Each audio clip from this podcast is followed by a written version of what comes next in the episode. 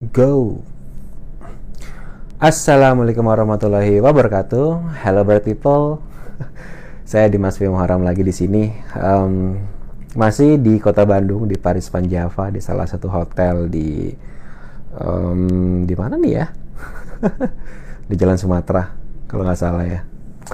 Um, bikin video maraton, video lagi karena pengen banyak yang diceritain dan mumpung lagi ada tempat yang backgroundnya agak bagus. Nggak kayak di rumah yang berantakan ya. Tapi saya pertama ingin mengapresiasi dulu buat teman-teman para berat people yang sudah subscribe channel ini makasih banyak. Yang sudah subscribe sudah selalu mendukung channel ini.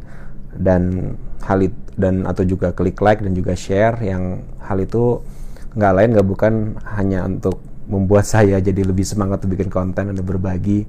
Dan teman-teman juga perlu sungkan ya kalau kenapa saya bikin video ini kan tujuannya agar kita bisa sharing informasi dan teman-teman kalau nanya juga lebih gampang.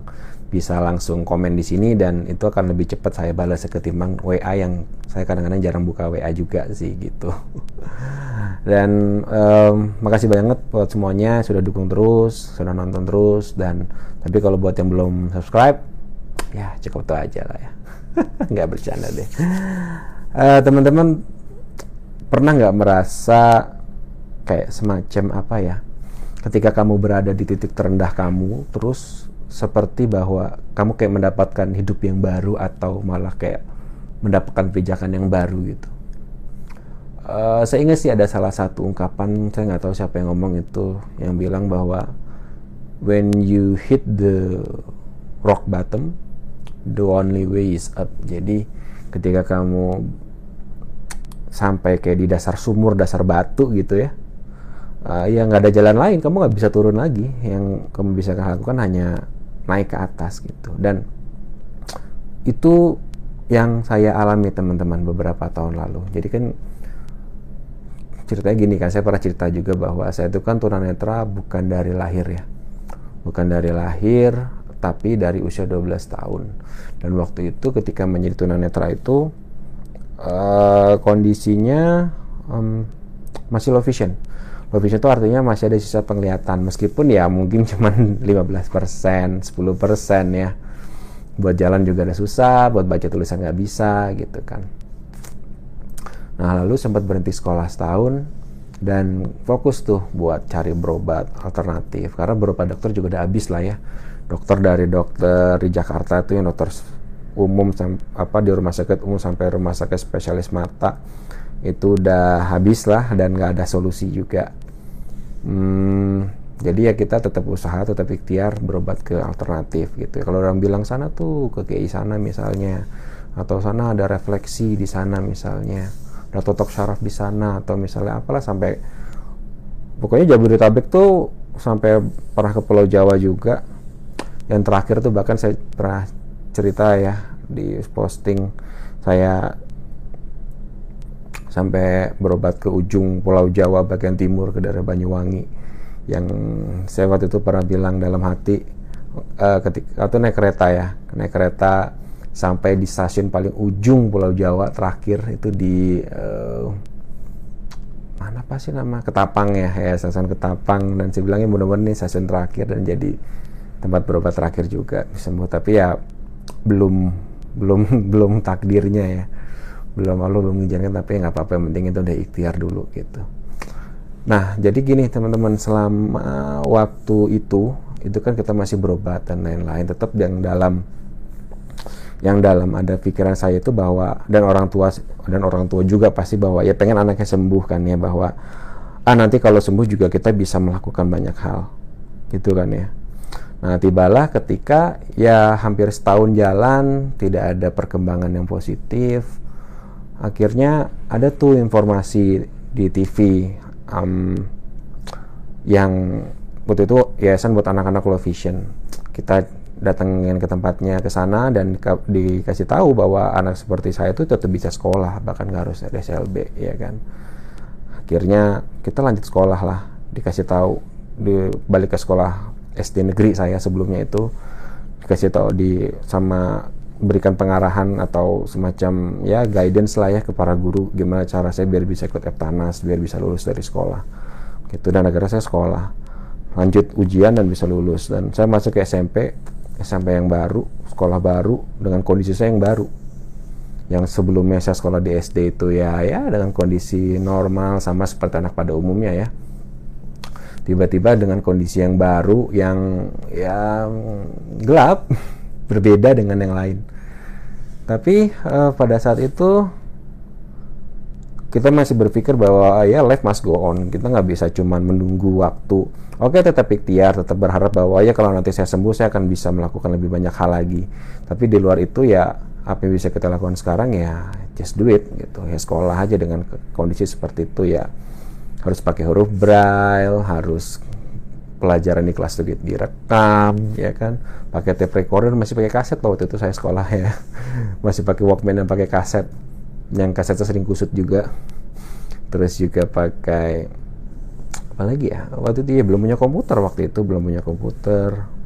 Laptop masih barang mahal belum punya juga. Tapi long story short ya semua itu berjalan dan tetap pada saat itu saya masih pada dalam kondisi tetap selalu ada pikiran bahwa oh, nanti saya juga akan sembuh dan saya akan bisa melakukan lebih banyak hal lagi. Jadi poinnya teman-teman bahwa di saat itu kayak apa yang ingin saya lakukan itu kayak setengah-setengah. Nggak all out. Bahwa oh kalau saya juga kayak semacam kayak semacam punya apa ya kayak punya alasan bahwa oh saya kan sekarang nggak bisa seperti ini karena saya kayak tunanetra saya kehilangan penglihatan nanti kalau saya sembuh saya kan bisa melakukannya lebih baik lagi jadi selalu ada seperti itu teman-teman.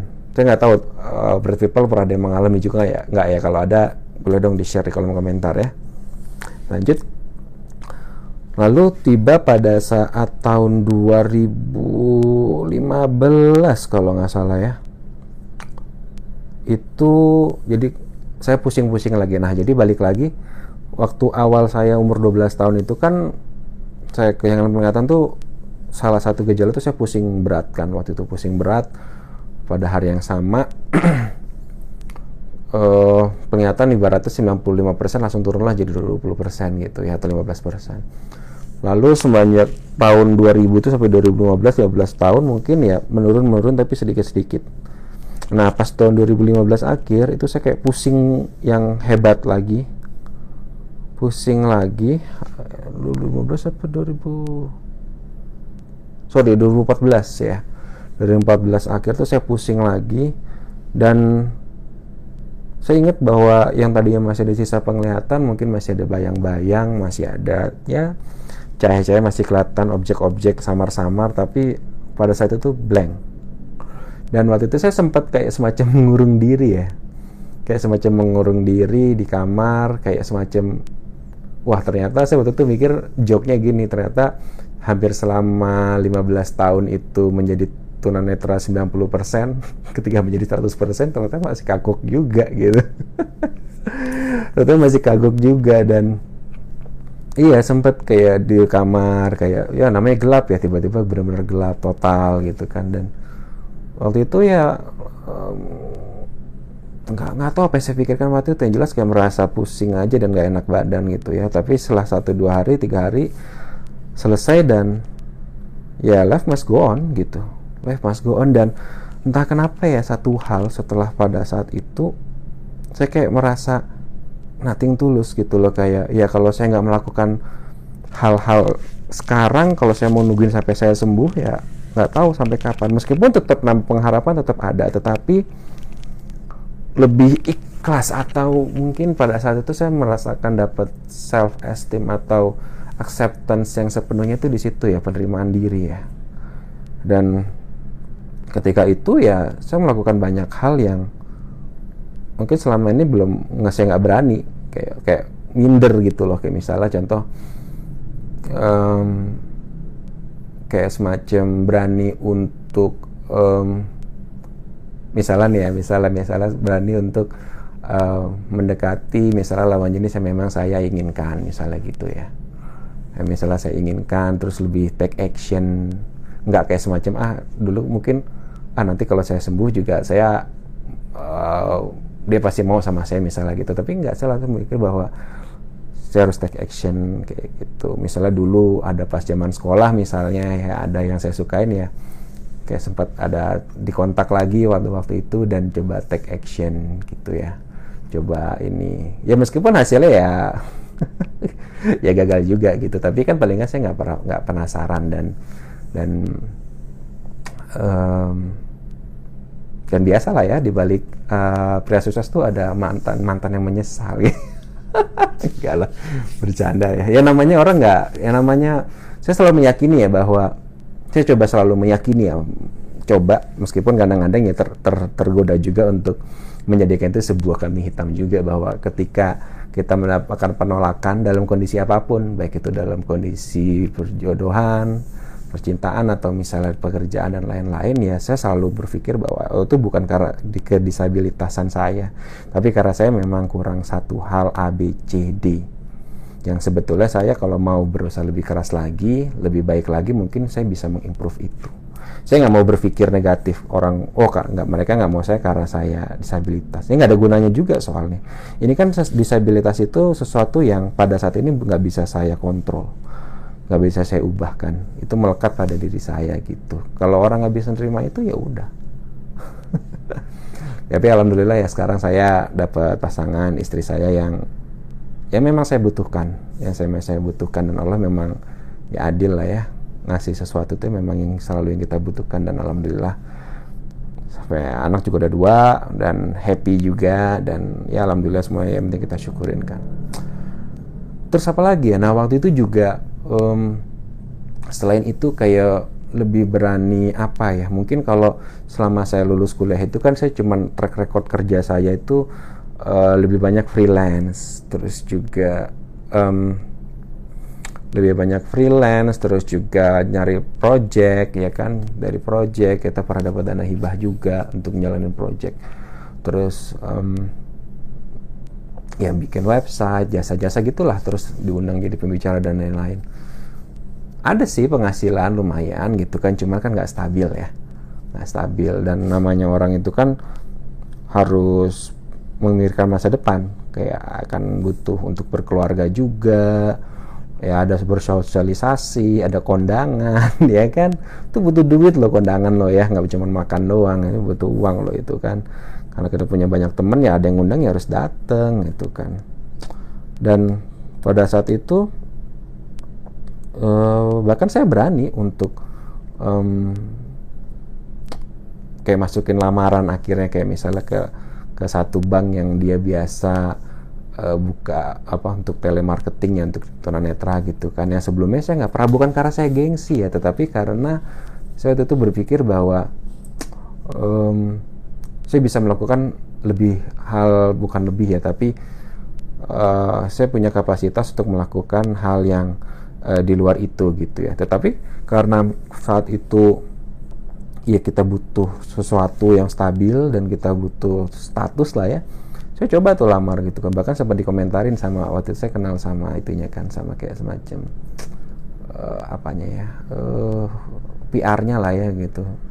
Saya bilang kan mas nanti kalau ada lowongan kabarin ya gitu. Terus di ini balasnya gini wah kalau di mas saya kita gajinya berapa nih? Nggak tahu nih kita harus gaji berapa gitu kan jadi kayak dianggapnya ya gimana ya kayak mungkin selama ini saya pernah sering jadi pembicara sering uh, ya ngobrolnya juga sama direkturnya bank itu juga pernah sama-sama jadi pembicara juga gitu. Jadi ya begitu padahal kan kita juga butuh living kan ya better living gitu yang stabil gitu yang penghasilan pendapatan yang stabil. Cuman ya susahnya di situ satu hal ya. Bahkan saya berani loh untuk itu. Terus juga akhirnya saya um, waktu itu um, keterima kerja sebagai PPNPM atau honorer di Kementerian Kominfo juga itu juga uh, saya inisiatif bawa lamaran terus pas jadi pembicara juga bareng sama um, apanya waktu itu ya pimpinan di situ saya langsung sodorin kasih lamarannya gitu ya langsung inisiatif aja gitu ya tapi alhamdulillah ya diterima ya dapetnya yang di Kominfo itu yang di telemarket yang telemarketing itu karena apa apa ya udah sempet datang juga ke tempatnya tapi nggak nggak dipanggil juga sih gitu nggak tahu deh. Itu mungkin karena pas lagi nggak ada lowongan juga atau nggak tahu ada alasan apa ya tapi yang jelas saya nggak dipanggil. Dan dapatnya malah yang di uh, Kementerian Kominfo. Gitu mungkin memang takdir saya di situ sih. Memang Allah kayak semacam menyuruh saya buat ya lu kerja jangan yang buat individual tapi yang kerja lu dapat penghasilan tapi bisa bantu orang juga ya. Alhamdulillah ya di Kominfo kerjanya ya jadi instruktur komputer kita ngajarin ke masyarakat komputer bicara ke eh, komunitas tunanetra juga gitu. Jadi ya tetap bisa ngasih impact lah gitu. Jadi banyak hal teman-teman yang ketika di tahun 2014 akhir itu ketika saya kayak semacam berada di titik terbawah diri saya gitu ya uh, kayak semacam berada di dasar sumur lah gitu. Tapi ya saya nggak punya jalan lain selain naik ke atas. Akhirnya saya berjuang dan udah nggak takut-takut lagi tuh. Akhirnya kayak lebih berani lagi buat naik bus sendiri naik Transjakarta. Kayak sekarang saya juga ke mana-mana naik Transjakarta naik KRL gitu ya. Dan itu jadinya lebih berani gitu. Nggak takut. Ya udah pasrah aja. Bukan pasrah tapi tawakal ya namanya hidup mati ini kan udah ada yang ngatur ya. Kayak gitu yang penting kita tetap hati-hati berdoa ya kan tetap ada mekanisme bagaimana kita tetap bisa aman gitu ya. Dan itu terjadi. Dan saya nggak tahu teman-teman mungkin juga ada punya seperti itu. Ketika kondisi yang tengah-tengah yang serba nanggung tuh akhirnya kayak nanggung gitu yang mau ngapain nanggung kayak ada yang ditunggu-tunggu tapi nggak jelas yang ditunggu tuh apa dan kapan tapi ketika kayak semacam oke okay, it's finished. Uh, I have to do something gitu kan. Uh, life must go on dan akhirnya ya kita jadinya lebih berani dan nothing tulus. Mungkin itu yang bilang orang nothing tulus seperti itu kali ya. Dan akhirnya saya sampai ada sekarang ini di depan depan teman-teman saya punya alhamdulillah punya pekerjaan yang baik. Teman-teman yang baik di pekerjaan juga dan tetap bisa sharing seperti ini terus juga tetap bisa berkarya juga. Dan saya syukurin semua itu gitu ya. Meskipun pada satu nanti ya tetap ikhtiar tetap berdoa bahwa tetap ingin bisa sembuh juga. Tetapi ya itu udah kayak semacam jadi ya kita nggak ada yang tahu lah takdirnya Allah kayak gimana ya. Gitu. Kalau misalnya itu terjadi alhamdulillah enggak juga nggak apa-apa. Life must go on gitu kan. Itu berarti kan adalah hal yang terbaik yang Allah berikan buat kita oke okay, guys itu aja. Kaget deh. Yang mau saya share dan mudah-mudahan bermanfaat ya. Bermanfaat dan kalau ada yang mau sharing juga silakan ya. Jangan ragu-ragu uh, ketika jadi kolom komentar kita bisa ngobrol bareng dan nanti kalau ada yang perlu saya tanggepin dalam video saya bisa bikinin video lagi atau kalau cuma cukup di komen langsung di komen ya. Oke okay, thank you. Uh, see you around Dimas Prasetyo Muharam is signing out and see ya